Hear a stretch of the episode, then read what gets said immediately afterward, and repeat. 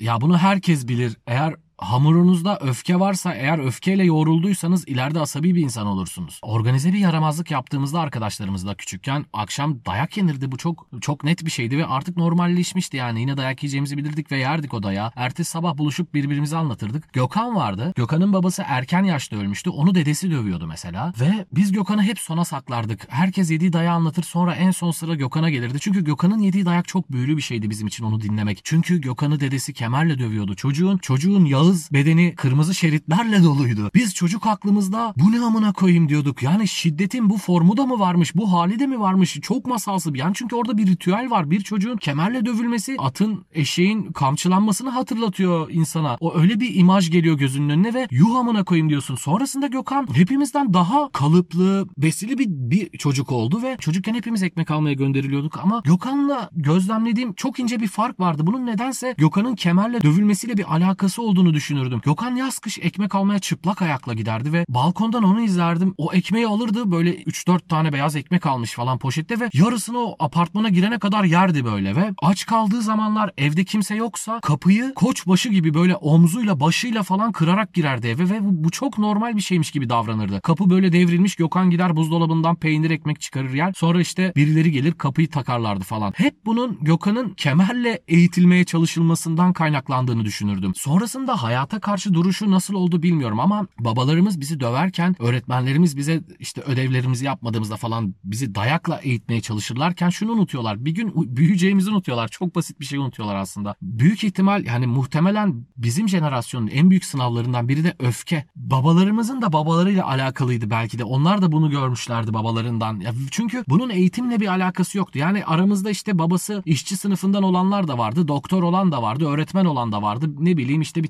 tekstil fabrikasında müdür olan da vardı ve hepsinin hepsinin ortak özelliği bizi dövmeleriydi. Sonrasında Gökhan bu öfkeyle ne yaptı? Hayatında nasıl sınandı? Onu neye dönüştürdü ya da dönüştürebildi mi? O öfke onu yakıp küle mi çevirdi bilmiyorum. Ama ben o öfkeyle oyunculuk yapmaya karar verdim ve o öfkeyi yakıt olarak kullanıyordum ve akıştaydım. Sadece öfkemi kullanıyordum ve annemle babamla yüzleşiyordum. Sevileyim diye yapıyorum. Acımı görün diye. Anlamasanız bile babamın beni nasıl dövdüğünü, annemin beni o psikolojik şiddetiyle nasıl bunu attığını falan görün diye. Sadece sizden farkım. Bundan kaçmıyorum. Bununla yüzleşiyorum ve size içten içe içimde küçük bir çocuk şöyle diyor. Sevin beni. Sevin. Onaylayın beni. Başımı okşayın. Alkışlayın. 5 kişi alkışlıyor. Yetmez bak 5 kişiye alıştım. 10 kişi alkışlasın. Ben de bu öfkeyi böyle kullanmanın yolunu buldum. Asla doymayacağım. Birdman filmindeki gibi. Kendimi televizyonda gördüğümde kendimi bu sefer daha başka, daha büyük bir ekranda görmek isteyeceğim. Hep daha fazlasını isteyeceğim. Yetmeyecek çünkü. Onaylanmak, onaylanmak isteyeceğim. Başımın okşanmasını isteyeceğim. Ve bunun için her şeyi yapmaya hazır olacağım. En en kıvrak danslara edebileceğim. En absürt taklaları atabileceğim. En narin yerlerimden kıvrılabileceğim bunun için. En intim yerlerimle sevişebileceğim sizinle. En keskin zirvelerden kendimi aşağı bırakacağım. Sırf göklerde nasıl şahlandığımı görün ve beni takdir edin. Beni alkışlayın diye, başımı okşayın diye. Hepimiz narsist piçleriz. Hadi bunu kabul edelim ve rahatlayalım ya. En azından vicdanlarımıza su serpilir anladınız mı? En azından en azından rahatlarız. Yaptığımız her eylemin altında aslında sevilmek, onaylanmak isteğiyle bu hareketi, bu adımı atıyorum diyerek farkında oluruz. Farkındalık bizi bir üst level'a taşır. Yani narsist piçler seviyesinden farkındalığı yüksek narsist piçler seviyesine yükseliriz. Anlatabiliyor muyum? Ve ve şunu biliriz. Sadece ya orta sınıf ya üst orta sınıf bir dilenciyiz bizde. Ulysses, James Joyce, bilinç çakışı.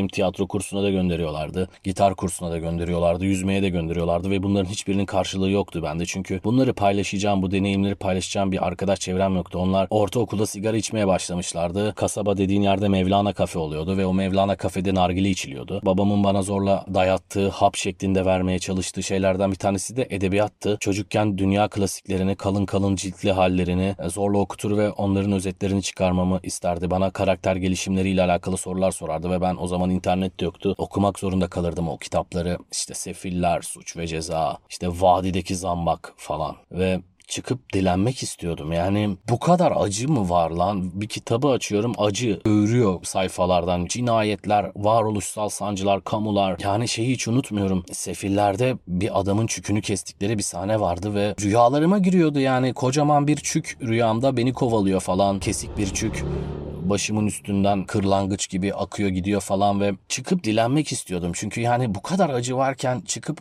ağlayarak çıplak ayaklarımla dilenmeliyim galiba. Çünkü bu hayatta kalamayacağım sanırım suç ve cezadan sonra falan ve e, yaşıtlarım okuldan kaçıp nargile içmeye gidiyorlar ve sen onların arasında ben de gitar kursuna gidiyorum. Bakın do re mi fa falan öyle öyle var olamıyorsun yani hani zaten çalabildiğin en en ekstrem şey yani artık sevmeyeceğim.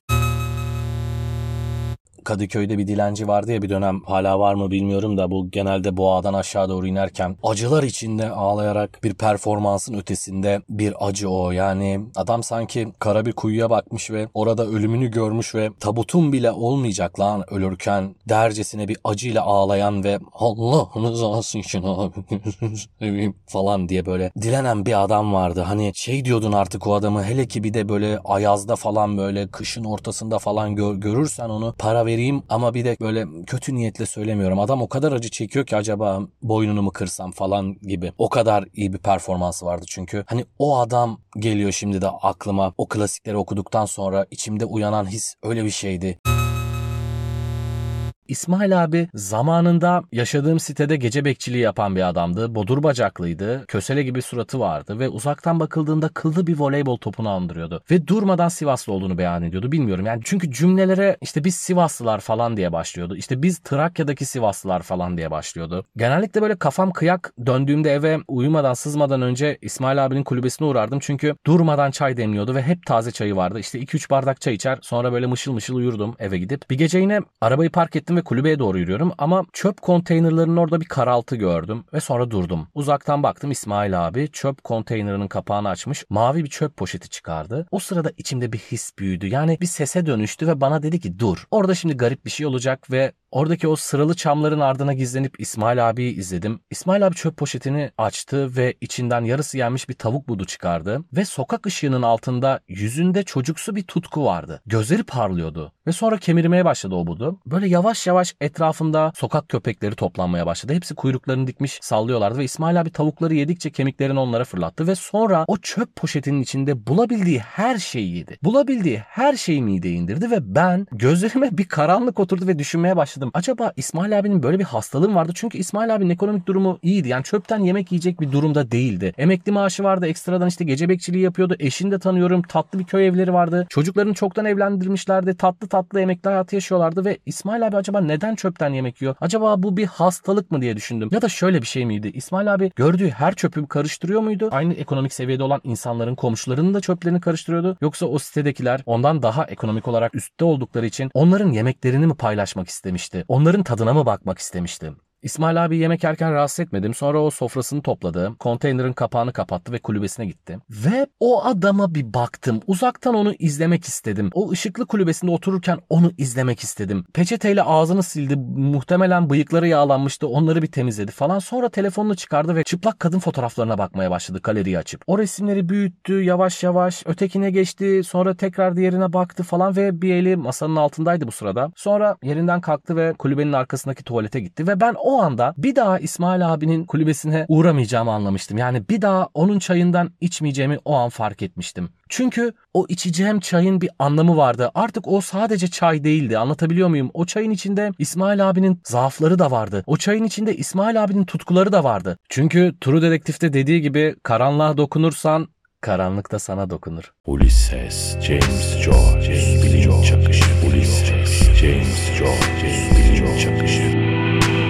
Yıllar sonra bir akşam babamla buluştuk. Bir pub'a gittik içmeye. Biraz konuştuk havadan sudan falan. Sonra babama o dönem panik atak sorunları yaşıyordum. Onlardan bahsettim falan. O da böyle çok sikine takmadı yani hani bu sizin jenerasyonun sorunu ya. Çok kafaya takıyorsunuz falan. Hayat akışına bırakmak lazım falan tarzı şeyler söyledi. Sonra zaten birasını bitirince kafası güzel oldu. Artık tek birayla sarhoş oluyormuş. Onu öğrenmiş oldum. Hava güzeldi. Çıktık. Sokak boyunca yürüdük. Babam kelimeleri birbirine karıştırmaya başlamıştı. Böyle tekliyordu falan. Neyse işte ben taşınmıştım. Onun da evde bir tane çekyat varmış. Bana o çekyatı vereceğini söylüyordu. Hadi dedi bu gece gidelim Arabayı yükleyelim götürelim çekyadı falan. Ya baba yarın hallederiz falan. Neyse inadı inattır işte dinlemedi. Gittik eve. Babam o çekyatın üzerine oturdu ama ama bütün ağırlığıyla oturdu. Yani o çekyata oturduğunda oradan kalkmayacağını anlamıştım. Sonra bana bakıp şey dedi. Ben dedi küçük bir çocuk nasıl kucaklanır, onun sırtı nasıl sıvazlanır çok iyi bilirim oğlum dedi. Ne alaka bunu Neyse sonra horlamaya başladı. Uyuyakaldı orada. Evde küçük bir oda vardı. Orada bir dolap var. Onun içinde aile fotoğrafları duruyor biliyorum. Oraya gittim. Fotoğraflara teker teker baktım çıkarıp. Orada bir fotoğraf dikkatimi çekti ama onun öncesinde babam uyurken onu izledim ve ya bir şeye bir şeyi ayıktım. Yani zamanın oku